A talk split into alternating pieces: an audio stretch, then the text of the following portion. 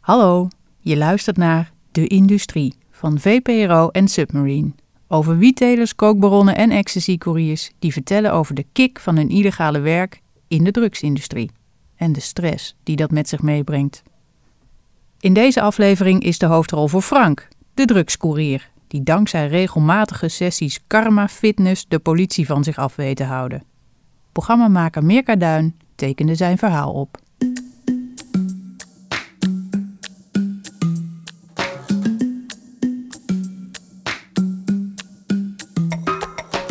Ik ben op een gegeven moment door de financiële crisis genoodzaakt geworden om drugs te gaan verkopen. Ja, ik werk natuurlijk ook liever als ik drugs verkoop, maar ja, we moet en moet. Frank is mijn leeftijd.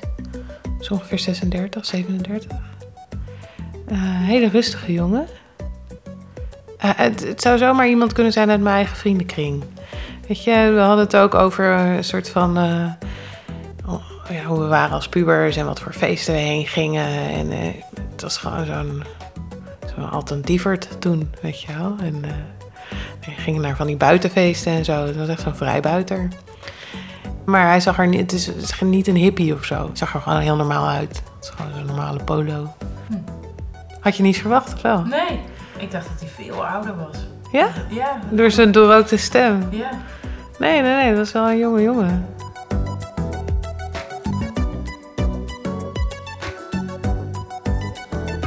Ik geloof ook wel in energie, in goede energie. Hè? En dan doe ik elke dag aan karma fitness. Plusjes uitsturen en dan krijg je plusjes terug. En uh, daardoor heb ik altijd heel veel geluk, denk ik. Vanaf de middelbare school ben ik detailhandel gaan studeren. En ja, toen daar goed daar wel een jaar, anderhalf jaar mee bezig was, toen had ik wel zoiets bij mezelf van, nou, een winkel bezitten en daar de komende 40, 50 jaar werken. Ja, dat wordt niet mijn toekomst. En toen, ja, toen ben ik een tijdje in de bijstand beland. Ja, ik zat in zo'n zo'n reïntegratieproject. Dan mocht ik orders gaan pikken. Toen dacht ik wel bij mezelf van als ik dit de rest van mijn leven moet doen, heb ik nou twee keuzes. Of nu voor de trein springen of, ja, of zelf iets gaan regelen. Ja, toen ben ik voor mezelf begonnen totdat de crisis kwam. Nou ja, toen heb ik een uh, tweede bijbaantje erbij genomen als hè, drugs Nou, ik verkocht voornamelijk speed, omdat ik daar zelf ook een tijdje aan verslaafd was. En vrienden om me heen ook. Dus ja, dan, kwamen er gewoon mensen, vrienden op de koffie. Nou, in tijd was die koffie alleen wit. toen ging dat balletje een beetje rollen. Ja, toen werd het al snel, nou ja, eerst, eerst een hondje en daarna af en toe ook een kilo. Die ik dan door mensen wegbrengen. En af en toe als ik echt zelf ook krab bij kas had. En dan dacht ik, nou, goed, trek mijn stoute schoenen aan en ik ga het zelf wel wegbrengen. Frank is heel erg een. Uh, hij is zo'n vrijbuiter, maar hij is dus ook. Hij is echt een ZZP'er. Weet je, hij zweeft een beetje door het netwerk. Het is niet zo dat hij bij een hele grote organisatie hoort of zo. Weet je, hij doet dit. Um, en dat zie je wel veel, want veel mensen denken dat het allemaal hele grote organisaties zijn, die, uh, die drugsorganisaties. En natuurlijk zijn er wel delen die ingewikkelder zijn om te doen, dus waar organisaties, zoals bijvoorbeeld het maken van MDMA is lastig. Dus er zitten grotere organisaties achter. Daar moet je echt wel meer crimineel zijn om aan in je ingrediënten te kunnen komen en dat soort dingen. Maar dit gedeelte, dat courieren en wat hij deed, er zijn niet heel veel mensen voor nodig. Sterker nog, het is beter om zo weinig mogelijk connecties te hebben. Dus het zijn vaak een beetje ZZP'ers die tussen mensen heen laveren. Nou ja, in het buitenland, daar, ja, daar liggen de prijzen gewoon een stuk hoger. En daar kunnen op een liter verf toch wel, nou, 2, 3000 euro verdienen. En in Nederland misschien 300 euro. Dus ja, dan, ja, dan een beetje heen en weer crossen. Hè? En ja, ik hou ook wel van crossen. ja, ja, maar dan, kijk, Als je één keer met een auto met 20 kilo speed moet rondrijden, ja, dan is het dat overzien. Maar als dat elke, elke twee dagen moet, ja, dan is de pakkans toch een stuk groter. Ja, en daarom heb ik op een gegeven moment met de leverancier afgesproken dat we dan maar beter in één keer een grote hoeveelheid kunnen doen. Om, om zo het aantal keren transport te verminderen. Want ja, anders moest ik om de twee, drie dagen daar naartoe. Dus dan deed ik liever 50 kilo per keer.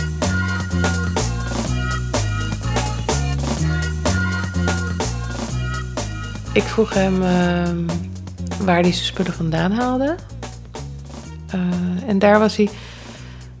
Dat is wel grappig. Hij wilde daar niks over kwijt. Maar hij zei ook waar ik het vandaan haal, waar ik het vandaan haal. Dat is niet zo interessant. Het is interessanter hoe ik het afzet. Want dat is ingewikkelder. Je kan het overal vandaan halen. Ja, precies. En meer dan dat zei hij niet. Dus ehm, hij was daar heel vaag over. Wij kunnen het ook. Wij zouden het ook kunnen. Maar ja, ik heb die contacten niet. Sterker nog, ik doe al anderhalf jaar research en ik vind dat echt heel moeilijk in, in de wereld van dus juist die synthetische drugs.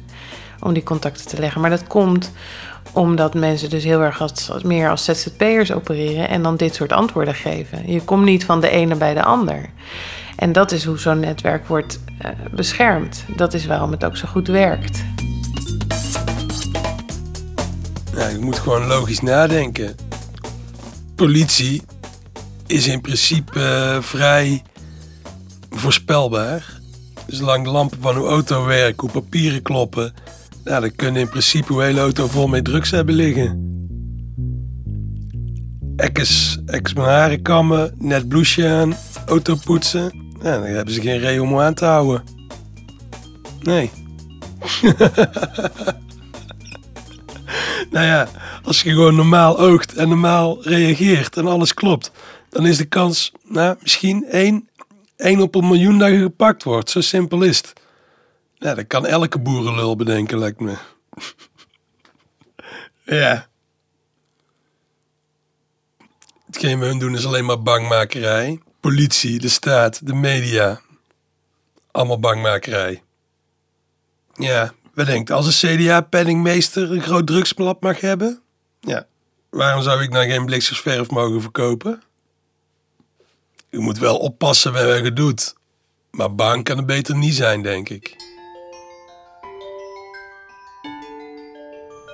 We moesten hem wel overhalen om te spreken. Hij was heel voorzichtig. En ehm, hij vond het wel een beetje spannend. En we hebben ook samen heel erg gekeken naar hoe we hem het beste kunnen anonimiseren. Dus wat we wel konden noemen en wat niet. Want hij zat er nog in. Inmiddels is hij er, als het goed is, uitgestapt. En hij wilde niet dat hij nu nog op zijn laatste moment een uitglijder zou maken. Dus hij was echt, eh, echt heel voorzichtig. Ja. Maar desalniettemin sprak hij wel met trots over zijn werk.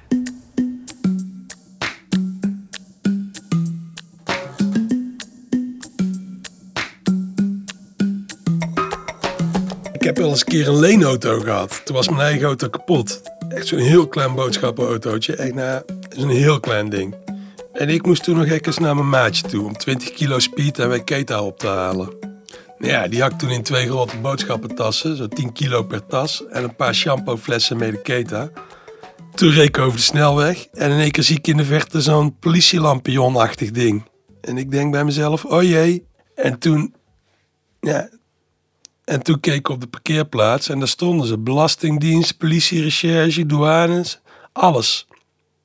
Nou, mijn hart schoot wel lekker in mijn keel. Ik denk, wat nou, er stond niks in die auto, hè, behalve ik. En op de achterbank die twee boodschappentassen. Ja, toen kwam ik in de buurt van die agent. En die zeiden dat ik gewoon door mocht rijden.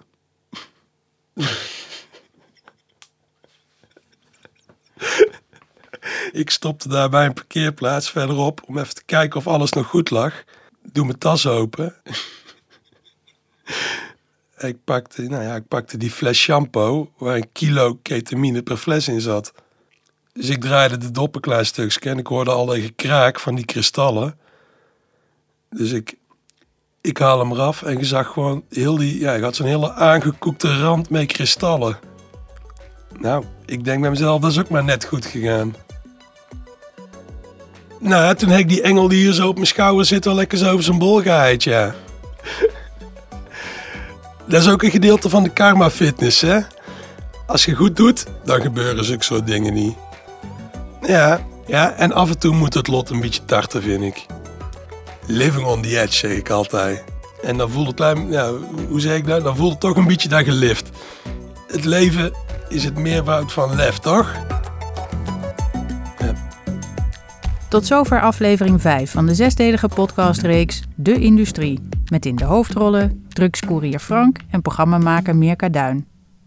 Mijn naam is Remy van den Brand en ik stelde deze aflevering samen. Alfred Koster nam de eindmontage voor zijn rekening. In aflevering 6 hoor je Jordi, die de voorraad van de koffieshop op peil houdt.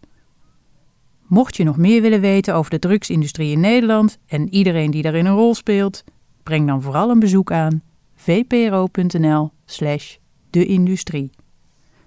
De Industrie is een co-productie van VPRO en Submarine Channel en kwam tot stand dankzij steun van het Mediafonds.